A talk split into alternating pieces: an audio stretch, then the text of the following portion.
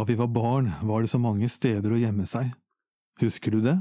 I et slott av sofaputer og tepper, eller midt i bærbuskene, eller innerst på et fang.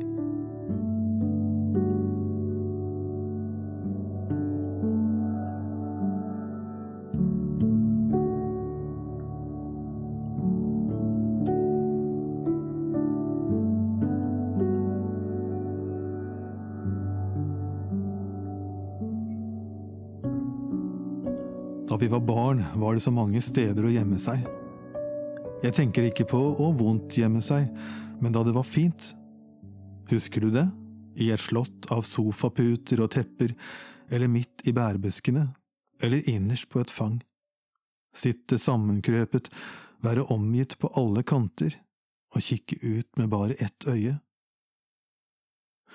Barn trenger å gjemme seg slik for at de skal kunne løpe, rope og leke.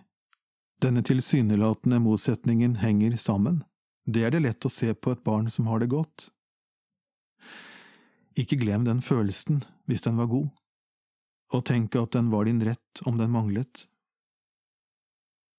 Allerede i Det gamle testamentet snakkes det om at vi kan gjemme oss i Gud.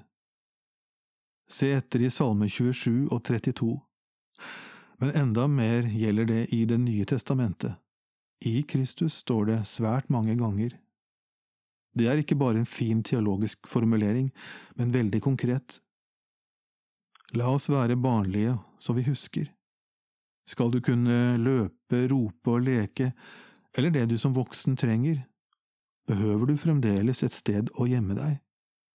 Hele tiden, egentlig. Det er faktisk eneste måten å være kristen.